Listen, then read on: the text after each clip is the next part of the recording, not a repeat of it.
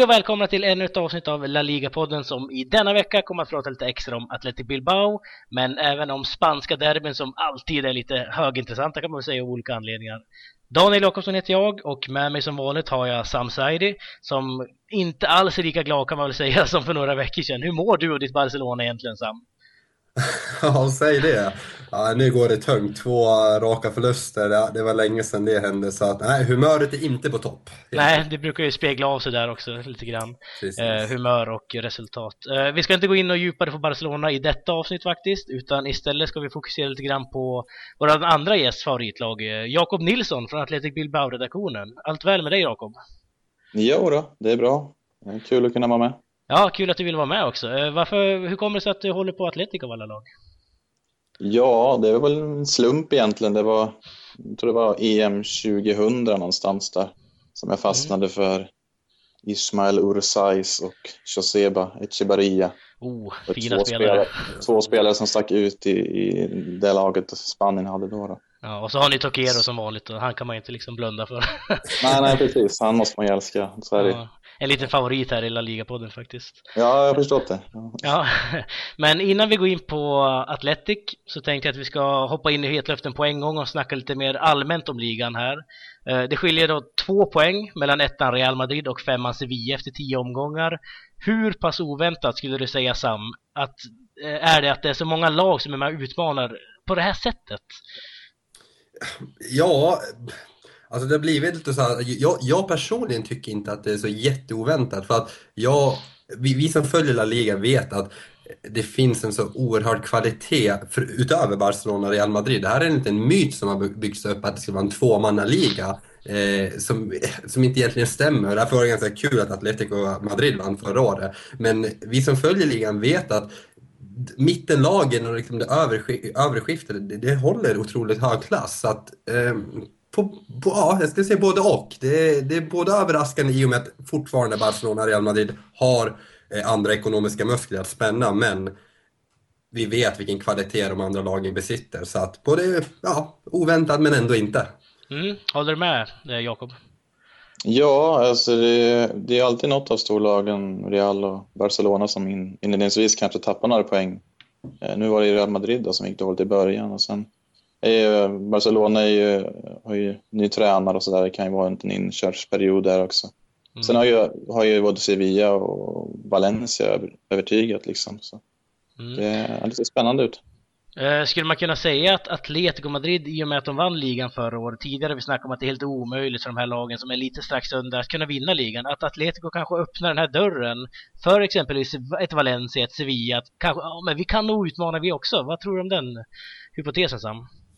Det tror jag definitivt stämmer. Jag, jag, tror att i och med att det har varit att Barcelona och Real Madrid har vunnit liksom varannan gång, eller ja, eh, har, har liksom titulerat sig som mästare, eh, att det bara handlar om två lag de senaste åren, så tror jag att Ja, Atletico, vinsten för, eller ligavinsten från Atleticos sida förra året definitivt öppnade upp möjligheter på något vis. Ett helt annat tänk, en helt annat, eh, alltså en annan inställning hos lagen när de till exempel kommer till Camp Nou nu som Celta gjorde, eh, när de kommer till Bernabéu. Liksom Barcelona och Real Madrid blir inte de här övermänskliga lagen. Liksom. Mm. Och det är intressant att du säger Celta, de har alltså en förlust bara efter tio matcher, vilket är ja. väldigt imponerande måste man ju säga.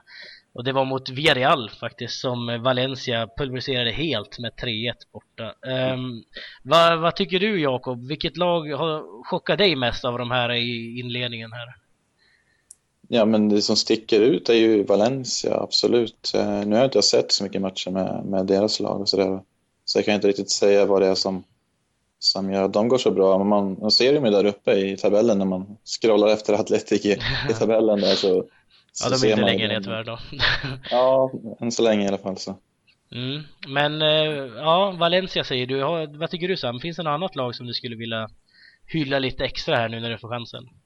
Ja, du var inne på Celta Vigo i ett av lagen, eh, men även Sevilla har ju imponerat något otroligt. Eh, men ja, jag skulle nog vill jag lyfta fram Celta Vigo som jag gjort det nu de senaste månaderna, till och med innan de slog Barcelona här. Så har jag varit väldigt förtjust i sättet de spelat och eh, framförallt den, ja för mig då, han är inte gammal rent åldersmässigt, men gamle Nolito från Barcelona eh, som kanske inte fick den här chansen eh, i Blaugrana har ju verkligen tagit för sig och hela lagbygget med liksom, att de har tagit efter det här vad Enrique byggde upp med Berizzo. Det är, imponerande. Jag tror mm. definitivt de slåss om Europaplatser. Men annars också som Jakob var inne på, Valencia. Eh, det skulle vara jättekul om de kan eh, fortsätta liksom, vara med i toppen och kanske till och med utmana om titeln. Eh, men det är lite, mm. skulle jag säga, önsketänk kanske från min sida. Jag, jag vet inte riktigt vart jag har Valencia än. Jag vågar inte lyfta, lyfta fram dem för mycket.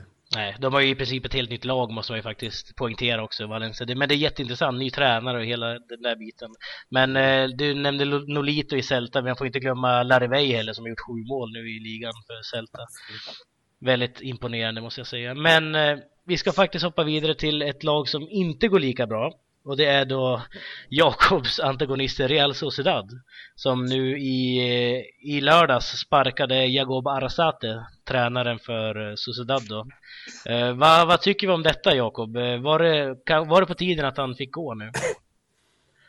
Ja, jag vet inte. Jag är inte så insatt i hur, hur jargongen har gått i klubben där, men eh, vad jag kunnat läsa mig till lite grann så här eh, så ser det väl ut som att de har stött sin tränare hela vägen in och så det är väl det är väl klubbledningen som till slut fick nog då i och med ja, att de börjar nosa på nedflyttning där. Då, så att, eh, mm. ja, jag vet inte, det är, det är ofta så att det är, det är ju inte så långsiktigt man jobbar då, kanske ofta i, när det gäller ja, när man, när man börjar bli så här tajt ner och så, att det börjar liksom att man Ja, det är ju resultat som man är inriktad på liksom. Absolut. Såklart. Så, ja. Det är tråkigt, ja. men eh, vi får väl se då vilka som blir aktuella för att ta över det då. Ja, precis. Ehm, jag tänkte, Sociedad spelade alltså Champions League förra året och eh, tog en ganska klen placering med tanke på vilket lag de hade med Griezmann och Vela och Uh, ah, resten av lirarna, nu kommer jag tappa en namn på alla men här. Men uh, vad tycker du Sam? Eh, gör man rätt i att sparka Arsat i det här läget? Uh, svårt att säga, alltså tabellen talar ju sitt tydliga språk. Alltså 6 poäng på 10 matcher, en 19 plats. Det är klart att det sticker i ögonen att se ett så skickligt lag underprestera så pass mycket som de, som de gör. Eh, men det är, så, det är en konstig ekvation som inte får ihop riktigt. Alltså de har en vinst och den var mot Real Madrid och den var helt fantastisk. Alltså det var eh, fröjdande spel, alltså anfallsfotbollen var magisk att se. Eh, men efter det och till och med lite före det så, ja, jag vet inte vad som hände så att det låste sig, de får inte till det. Eh, det ser nonchalant ut och ja, då är det ju tränaren som inte lyckas förmedla sina budskap eller motivationen till spelarna. Liksom, det är klart att det är enkelt att motivera när man möter Real Madrid, men man måste motivera sig, liksom, man möter 19 andra lag också och det har ju inte liksom förmedlats på ett bra sätt och då är det tränaren som ryker tyvärr. Mm. Och man ser ju framåt framförallt Finn Bogason som de värvade in för den här säsongen gjort noll mål. Del har gjort ett mål, Agretti har gjort ett mål, Canales ett mål. Det är liksom, målen kommer inte där någonstans. Mm. Granero, Granero på noll då. Inigo Martinez, mittbacken, har gjort två. Ja, ja men det är lite en favorit vi också har i podden, eller i alla fall från min sida. Ja, nej, jag håller med. Jag håller med. Ja. Han och Laporte som vi kommer komma in på senare, är ju, de är härliga. Ja, men eh, vad säger vi om ersättare här då? Juan de Ramos, Pepe Mel och faktiskt David Moyes nu senast har nämnts. Vem tror mm. du, eller vem tycker du ska ta över här, Jakob? Ja, eh, David Moyes vore ju givetvis intressant på, på alla sätt och vis. Då. Ja. Men, eh, jag vet inte hur troligt det är, eller realistiskt det är, men Eh, ja, annars så har jag nog inga, inga önskemål. Det är väl egentligen bara hålla med om det ni sa tidigare där också. Att, eh, jag kan känna igen lite grann Athletics inledning i Real Sociedad också. Då. Mm. Det har inte, målfabrikationen har liksom varit låg sådär. Men eh, ja. nej, faktiskt inga, inga åsikter om, om tränare ut och in där faktiskt. Nej, det är ju väldigt svårt för oss att veta också med tanke på att vi inte sitter med sportchefen och så vidare. Men vad säger du Sam? Vem av de här tre, om vi ska nöja oss med de tre, tycker du ska kliva in här? Uh, ja, jag, jag, jag, jag, jag gillar ju Juan Ramos. Jag skulle vilja få in mm. honom i, i, i La Liga igen. Uh, tycker uh, det, det, han, han har ett taktiskt kunnande som jag skulle passa Real Sociedad väldigt väl. Eh, å andra sidan vore det kul att få lite mer utländska influenser i David Moyes. Eh, Så att, eh, ja, jag, jag hoppas, men jag tror det blir Peppe Mel, men jag, jag hoppas att det blir någon av de andra två. Ja, Pepe Mel gick ju ganska tungt där i West Bromwich men gjorde ju faktiskt succé måste man nästan säga med Real Betis när han var där Mm, tidigare. definitivt. Men vi ska faktiskt sätta stopp för del 1 här och när vi är tillbaka så blir det lite mer Athletic Bilbao-fokus.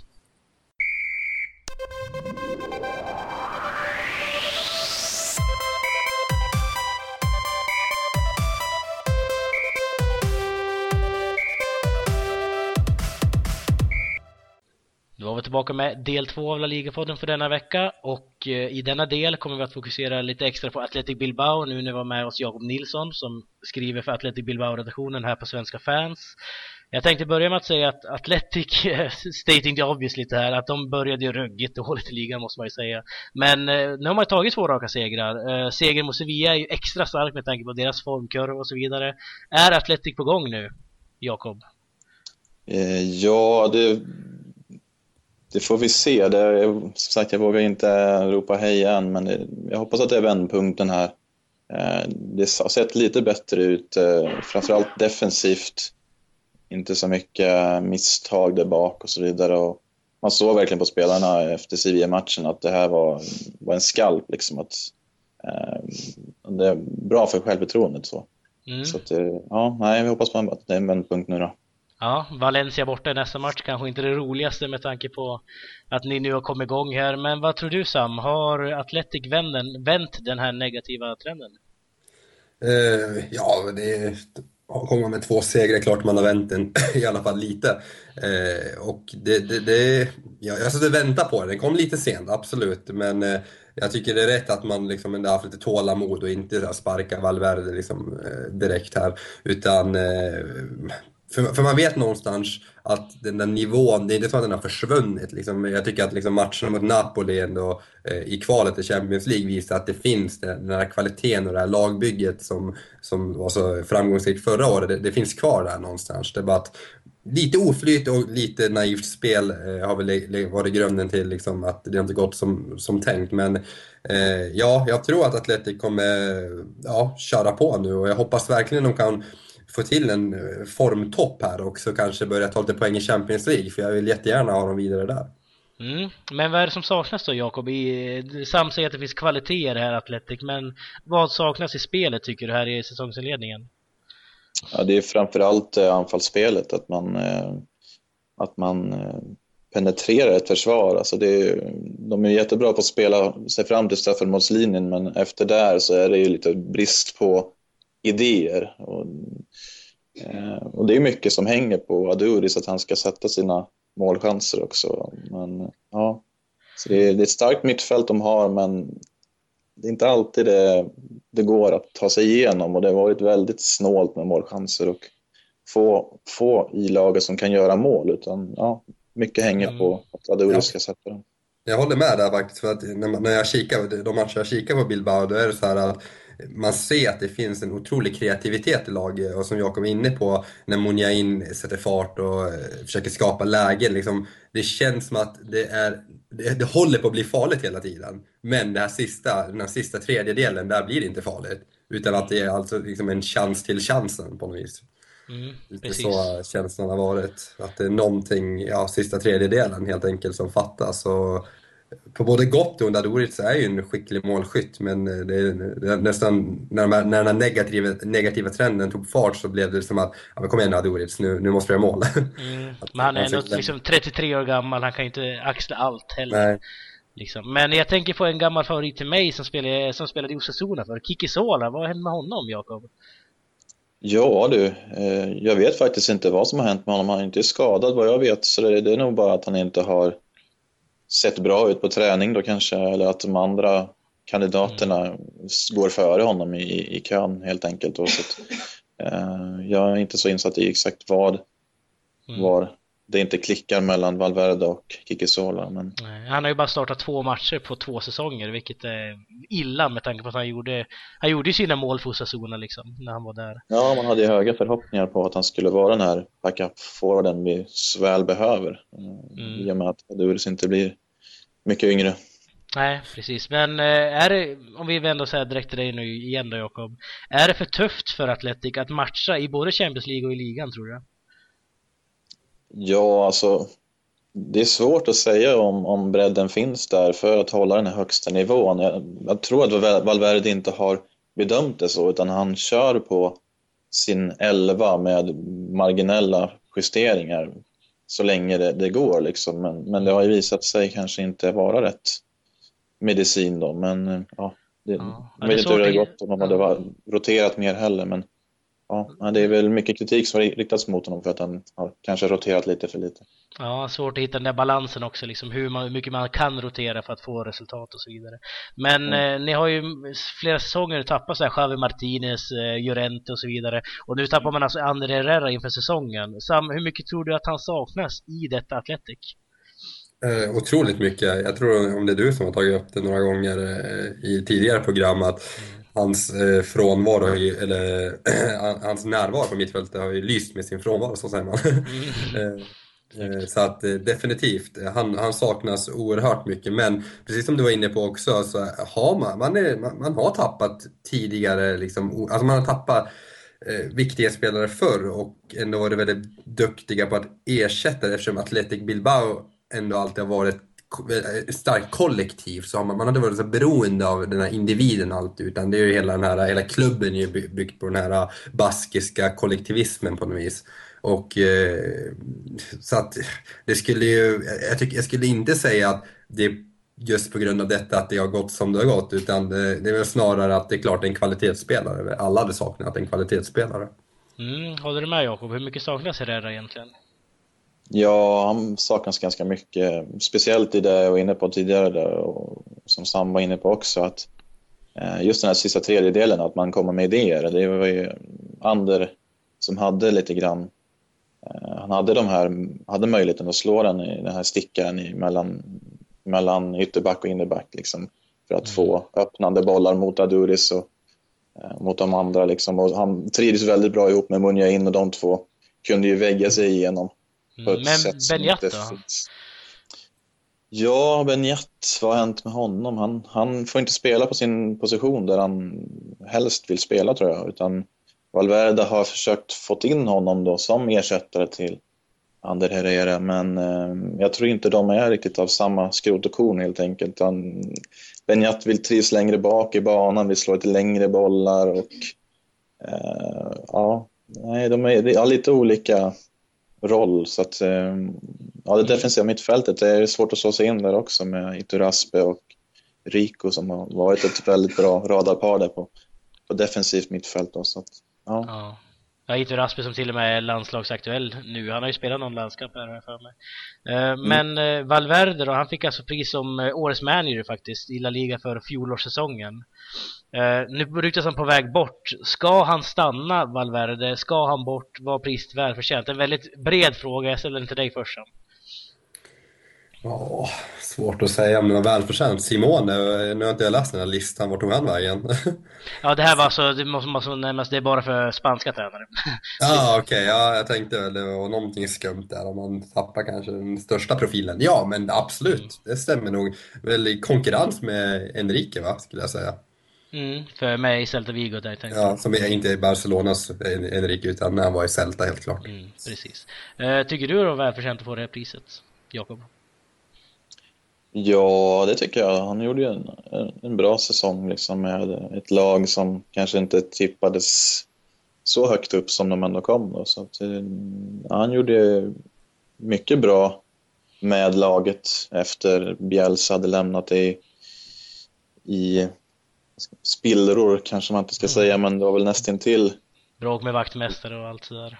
ja, precis. Han, det var lite allmänt stök i klubben där, så att ja, i och med att han gick in och på en gång liksom skaffade poängen till laget så har, har han ju bara gått som tåget då förra säsongen. Det är därför man blir så förvånad att det gick så tvärt nu andra säsongen. Men mm. det är väl svårt andra säsongen. Det är väl Nej men precis, jag håller med. Liksom, går man in och tar en Champions League-plats, klart man har gjort succé då. Speciellt om man gör det med Athletic Bilbao, måste man säga. Det hade man inte förväntat sig kanske. Men, och, och precis som Jakob är inne på så är det just den succén som gör att man liksom inte förstår vad som händer just nu. Mm. Precis. En annan som gjorde succé, det måste man ju säga, är mittbacken Aymeric Laporte då. Vi var inne på det här förra veckan när det var årets unga spelare skulle utses och då var inte Laporte nominerad, vilket vi tyckte var lite underligt faktiskt. Men eh, han har sagt att han kan tänka sig spela för Spanien istället för Frankrike. Eh, hur bra är Laporte egentligen, Jakob? Ja, han är verkligen bra på, på många sätt och vis. Han är ju han är snabb, han är brytningssäker, han är bra i luften, han är ju eh, markerings, bra på markering också. Men mm. man är ju fortfarande lite oslipad. Han kan ju få lite hybris ibland. Han gillar ju att köra sina löpningar in, och dribblingar kanske in, upp mot mittfältet och sånt där. Det går inte alltid lika bra. Sen har han väl ganska vänsterfotad. Han har ingen, ingen, ingen bra högerfot så att han slår bort en del bollar och sådär. Men, mm. men eh, i stora hela är det väldigt stor potential i den spelaren så det är en framtida landslagsspelare, om det nu blir Frankrike eller Spanien, det får vi se. Mm, jag tycker han påminner väldigt mycket om Inigo Martinez faktiskt i sin spelstil framförallt. Uh, vad tycker du Sam, Spanien eller Frankrike för Laporte? Oj, ja, det är upp till honom själv. ja, jo i och för sig. Ja, det, ja, men det, det, är klart att det, det hade ju varit lyft för spanska landslaget om om Laporte vill spela för Spanien. Sen, å andra sidan tänker man ju vilken framtid Frankrike har med Laporte och Varann. Det blir jävla mm. mittbacksvar. Oj, ursäkta jag svär men... eh, nej men eh, absolut. Eh, klart man hoppas lite på Spanien. Man är väl lite mer åt det hållet i alla fall. Men en fantastisk spelare, vilken potential. Mm. Han och San Jose kanske i framtiden, det vet man inte. Eh, ja. Det skulle vara intressant faktiskt i landslaget där. Men eh, vi ska faktiskt sätta... Det baskiska landslaget alltså? Eller? I det baskiska landslaget, ja precis. Både och kanske. De möter ju Katalonien nu i december någon gång. Så ja, det ska bli kul att se. Men eh, vi ska faktiskt eh, stoppa del två här och när vi är tillbaka ska vi prata lite derbyn.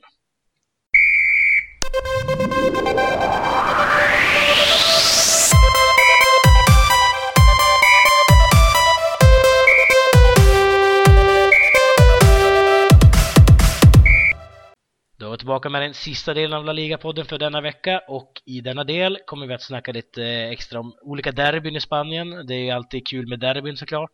I söndags spelas exempelvis Valencia-derbyt mellan Villarreal och Valencia som Valencia vann med 3-1. Men eh, vi ska inte gå in på den matchen så mycket mer så. Eh, finns det några extra häftiga matcher tycker du Sam i Spanien som du skulle vilja lyfta upp här? Alltså derbymatcher mellan stads och regionslag då? Mm.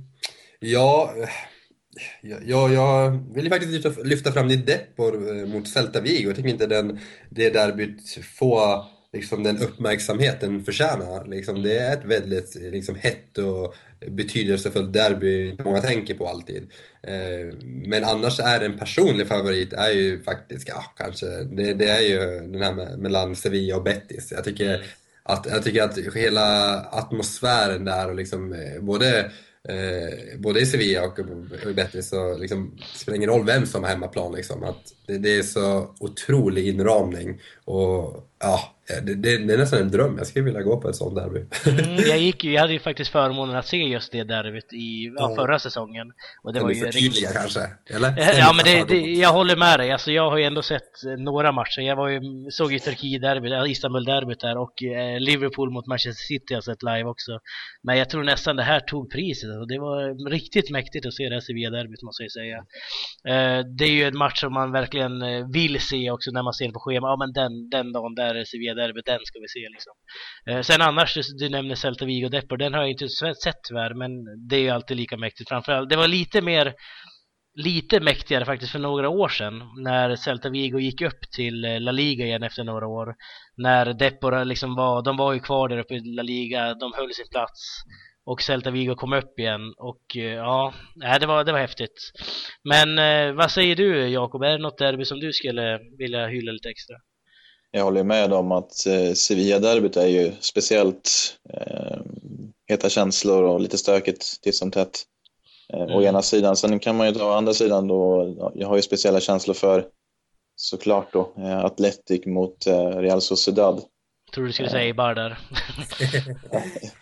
ja, nej, det, det, det derbyt har ju liksom, det är ju inget stökigt överhuvudtaget över ett sånt derby. Det, det som är fascinerande då är att att fansen känner ju varandra så pass bra så de går ju tillsammans innan matchen, sitter tillsammans inne på stadion. Att man mm. ser att det är så blandat. Det är inte rött där och blått där utan det är, det är så blandat hela tiden. Och kanske en familj som sitter med ja, en, ena sonen gillar Real Sociedad, andra gillar Atletic. Liksom, att det av olika skäl har blivit så. Men att det är sån skön inramning. Det kallas ju the friendly derby. Liksom. Ja. Att det, skulle du säga att det beror på den här, på någon slags baskisk sammanhållning eh, på något vis? Eller?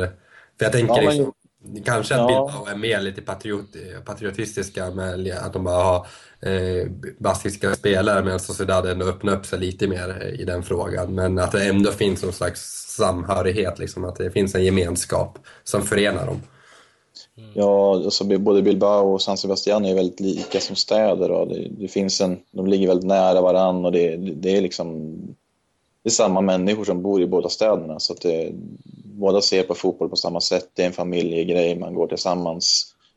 Mamman skriker lika mycket på domaren i matcherna som, som pappan och sådär. Liksom det, mm. det är en sån skön eh, grej liksom att man, det är en familje alla pratar Atletic när det är match och sådär. Så det, ja. Ja. det är ganska intressant måste jag säga ändå med tanke på om jag själv kollar på Barcelona och Espanyol. Där är det ju, jag tycker inte det är lika hett derby kanske men det är för att det är så ojämlika parter ofta, att Barca ofta är så mycket bättre än Espanyol. Men just att eh, där är det inte den här familjekänslan just med att eh, Espanyol präglas av den här royalismen på något vis. Liksom, att de ändå ses en del av Spanien. Så att de har inte kunnat förenas på samma sätt som Barcelona som representerar Katalonien. Så det tycker jag är väldigt intressant. Hur i, i, I Basken så är det ju inte så riktigt tydligen. Så det, det är intressant. Och ett derby man ofta glömmer är också Canaria-derbyt mellan Las Palmas och Tenerife, vilket är väldigt, ett av de hetaste derbyna i Spanien faktiskt. Mm. Eh, jag har ju inte heller varit där, men det, det, det sägs vara väldigt mäktigt i alla fall. Mm. sen har vi andra derbyn som sagt, Valencia Villarreal nämnde vi, Atletico mot Real Madrid såklart. Eh, Malaga mot Granada. Mm. Det är ett derby det också i sig. Vad, vad, har vi annars där? Har vi någon, har vi någon mer derbyn här? Hjälp mig här nu Sam. och Jakob. Vad har vi mer? Jag, jag tyckte du gick igenom ganska många här. Det är många så små derbyn som man kanske, liksom, kanske är i samma kategori som du var inne på. Bilbao mot Eibar är också ett derby. Eh, Barcelona mötte ju eh, Girona där för några år sedan. Eh, Nastic Girona är också ett derby i sig. Alcocon, Real Madrid liksom. Ja, men Real Madrid har ju massa små derbyn och Atletico också emot Getafe och Vallecano. Och, ja, mm. Så det finns ju så här också andra som kanske, ja, derbyn som man inte ja. tänker på. Och nu på lördag möter ju alltså Real Madrid just Rayo Vallecano som du nämnde här nu. Mm. Eh, vad, vad, kan vi om det här derbyt? Finns det några speciella känslor i den här matchen? Vet du, vad, vad, vad vet du Jakob? Vilken match sa vi? Real Madrid mot? Vallecano, Rayo Vallecano. Rayo Vallecano. Uh, nej, jag vet bara att det verkar vara väldigt sköna fans Rayo har i alla fall. Mm. Uh, det var verkligen inramning deras hemmamatch jämt. Uh, ja. Just jag vet inte hur stora Madrid-derbyn är egentligen. Hur mycket rivalitet det är mellan klubbarna där, hur, hur mycket som, som skåsas upp inför matchen och sånt där. Det har jag dålig koll på. Men... Mm, man vet ju att Real Madrid Atletico är en ganska stor match i alla fall. Men vad, vad tror du Sam? Finns det några extra känslor i sån här möte? Ja, det gör Alltså Madrid-derbyna generellt eh, intressanta, som Jakob var inne på. så att eh, Alltså det beror på lite vilka man möter. Alltså en match med Real Madrid och Getafe kanske inte har den här derbykänslan just att Getafe har växt, alltså växt fram ur en liksom, Real Madrid-falang. Eh, Medan Atletico väcker mer känsla eftersom det är liksom en, mer en utmanare som liksom vill vill eh, ja, utmana den här eh, storebrorsan, eller eh, inte storebrorsan längre, men typ etablissemanget på något vis och borgerligheten och Atletico med kanske arbetarna.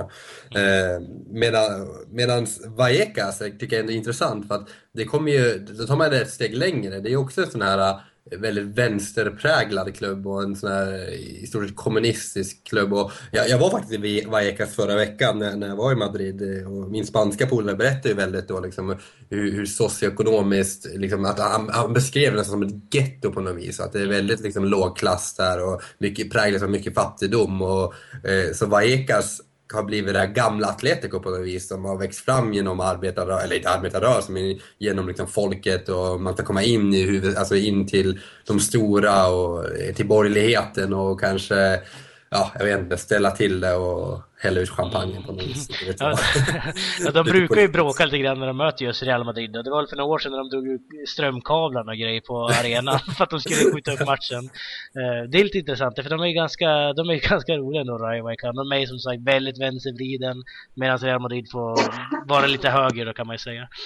Men Kanske ja, inte höger, men de, är, de får väl anses vara kapitalisterna i det här. i det här sammanhanget. Real Madrid får ju ofta axla det här eh, centralstyret, liksom alla, alla Ja. små utbrytarregioner eller lag som känner sig som utmanare. Det är Real Madrid om man vill, vill slå då. I de Ja, fallen. precis. Ja, de har ju på både, ja det är ju hemskt att säga men det är liksom den här, man förknippar det fortfarande med gamle Franco, det är ganska hemskt att säga men det är lite så jargongerna går när man pratar om liksom Real Madrid. Vilket, Men, ja. det är, vilket är helt bisarrt egentligen men ändå.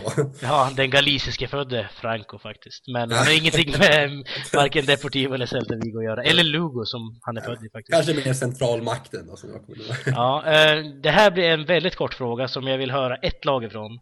I Spanien har man ingen större tradition av bortafölje, men eh, vilket lag i de här derbymatcherna skulle ni säga har, de, har det bästa bortaföljet? Jag börjar med dig sen. Ett lag. Av alla de här uh, derby, derbyna vi gick igenom. Ja, precis. I derbyna. Vilka ser du har bäst bortafölje där? För alla har ju bra hemmafölje liksom, i sådana här matcher.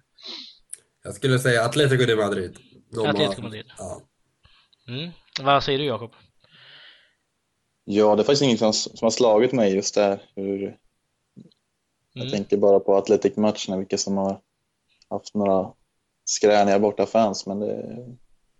Jag vet inte. Nej, jag, jag säger pass på den. Du säger pass, okej. Då säger jag faktiskt Real Betis med tanke på den matchen jag var på då. Eh, Real Betis Sevilla. Men eh, vi, vi närmar oss eh, slutet av det här programmet och jag tänkte att Sam, du ska få köra dina, din, vecka, din lista här som vi alltid avslutar med veckans hockeyer och veckans faubär. Ja, eh, det hade varit kul att kunna ge Tokiero nu när jag kommer här till någon, någonting med Bilbao eller Tokiero själv faktiskt. Det hade varit extra roligt. Ja, det det, den dagen ser jag fram emot faktiskt. Nej, men det får gå. Den här, jag stod, jag stod jag valde mellan faktiskt eh, James, Rodri, eller James som gjorde ett fantastiskt mål för Real Madrid, jag vill bara nämna det. Men jag väljer att ge det till Nolito eh, som eh, kommer till Camp Nou och ja, släkten är värst och vilken framspelning han står för. Den, den klacken är inte att leka med och utöver det var han väldigt bra den matchen. Han var aktiv, han satt skräck i Barcelona-försvaret och var högst delaktig i den segern. Mm. Eh, jag skulle vilja slänga in eh, kanske ligans coolaste namn där, Joda. Har gjort tre mål nu på tre matcher i Ja. Getafe. Sänkte ju Deportivo senast då, tyvärr.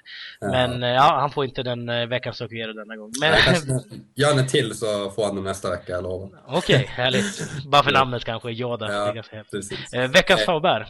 Veckans Faubert går denna vecka till Cordoba. Jag har undvikit lite, eller ja, lite aktivt att, att ge den utmärkelsen till dem för att de är nykomlingar. Man förtjänar, liksom, man förtjänar få lite, liksom, man har lite tålamod med dem, förtjänar tid. Men eh, nej, tio omgångar fick, fick vara nog. Har man inte tagit en seger på tio omgångar då får man också veckans Faubert. Så det var dags. Okej. Eh, vad tycker du om listan Jakob? Känns det rättvist? Ja, det låter bra. Jag håller med. Ja, härligt. Men eh, vi ska faktiskt eh, avsluta här och jag vill tacka dig Jakob för att du ville vara med och jag tackar dig också Sam att du var med denna okay. vecka igen. Eh, ja. Vi andra vi hörs om en vecka när vi är tillbaka med ett nytt avsnitt. Tack för oss! Mm.